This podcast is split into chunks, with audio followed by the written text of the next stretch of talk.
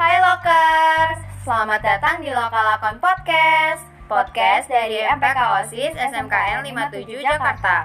Di mana cerita dan salam kamu akan disampaikan. Enjoy!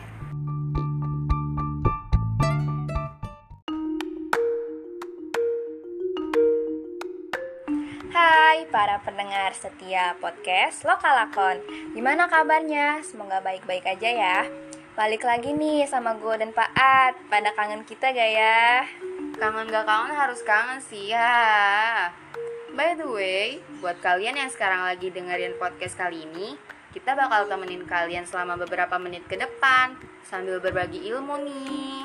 Benar-benar Karena kita kedatangan tamu spesial. Kasih spoiler gak nih Pat? Kasih tahu dong Oke deh, bakal akan dikasih tahu. Tapi nanti sebelumnya kita kasih tahu dulu dong topik hari ini apa. Topik kita hari ini itu tentang public speaking, Nay. Menurut lo, public speaking tuh apa sih? Kan kata-katanya udah gak asing lagi ya. Kalau menurut gue, public speaking itu yang berbicara di depan umum gak sih, Pak? Nah, bener banget. Kayaknya public speaking bukan tentang itu aja deh kita tanya aja nih yang lebih lengkap sama yang udah berpengalaman. Guys kita, coba sapa dulu pendengar lokal akonnya. Mana nih? Sebelumnya kenalin dulu kali ya. Halo, kenalin nama gue Renata Zahra, bisa dipanggil Renata atau Nata. Gue dari SMKN Negeri 20 Jakarta, jurusan Perbankan Syariah. Halo, Halo juga, juga Renata. Gimana nih kabar kalian? Kalau gue alhamdulillah lumayan baik sih. Alhamdulillah lumayan baik juga gue Lo sendiri gimana nih kabarnya? Lo lagi sibuk apa di sekolah? Alhamdulillah gue baik Sibuk apa ya? Gue sih sekarang lagi sibuk simulasi profesi perbankan Kayak jadi teller, customer service gitu Wah, lumayan sibuk juga Gimana nih Pat? Udah cukup belum pengenalannya?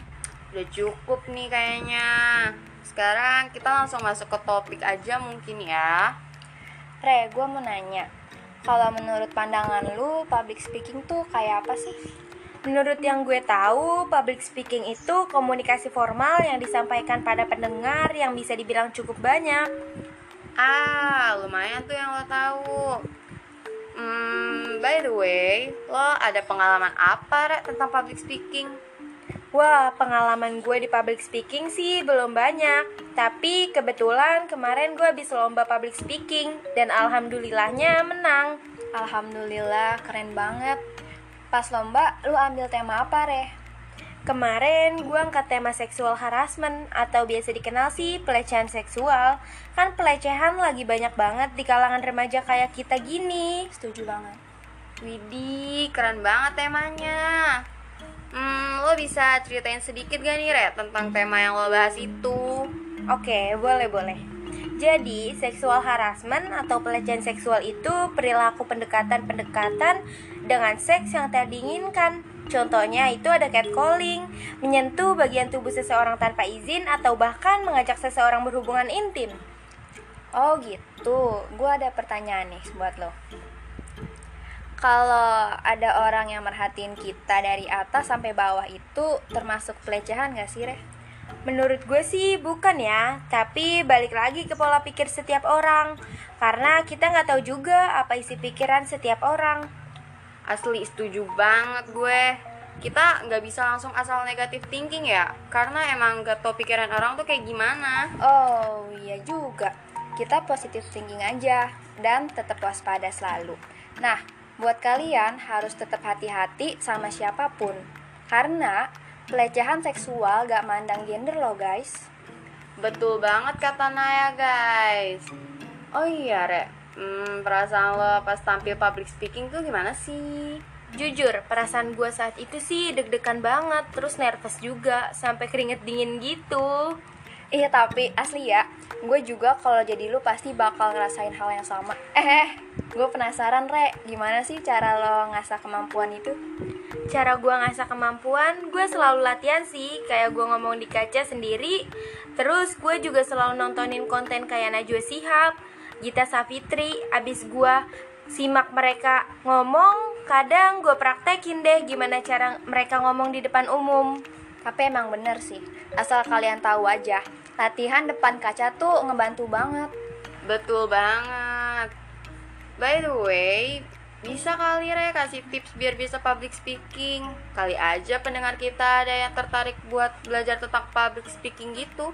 Wah, boleh tuh. Ini sedikit sedikit tips dari gue. Yang paling penting itu percaya diri sih, karena itu salah satu kunci dari public speaking. Terus kita juga harus siapin materi yang menarik dan gaya bicara yang asik. Biar para audiensnya nggak bosan gitu loh dengerinnya. Selain itu, kita juga harus atur intonasi bicara kita supaya stabil dan menyesuaikan kita berbicara kepada siapa gitu. Nih nih, gue punya pertanyaan lagi nih buat lo. Kayaknya ini pertanyaan terakhir sih untuk topik kali ini. Menurut lo sepenting apa sih public speaking itu di kalangan remaja kayak kita? Wah, penting banget pasti public speaking itu, apalagi buat seusia kita.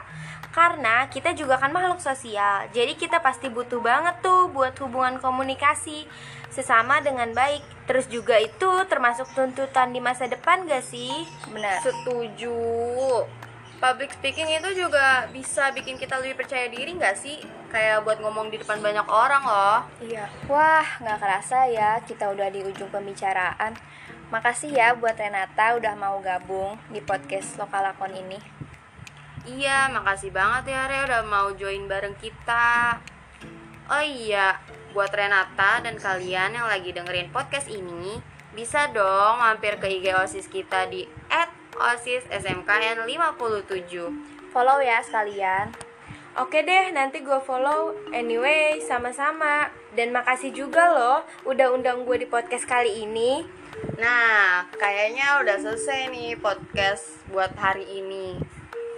Hmm, gue sama Naya kayaknya harus pamit kali ya. Boleh. Gue Paat. Gue Naya, kita berdua pamit undur diri. Sampai jumpa di episode selanjutnya. Bye Bye.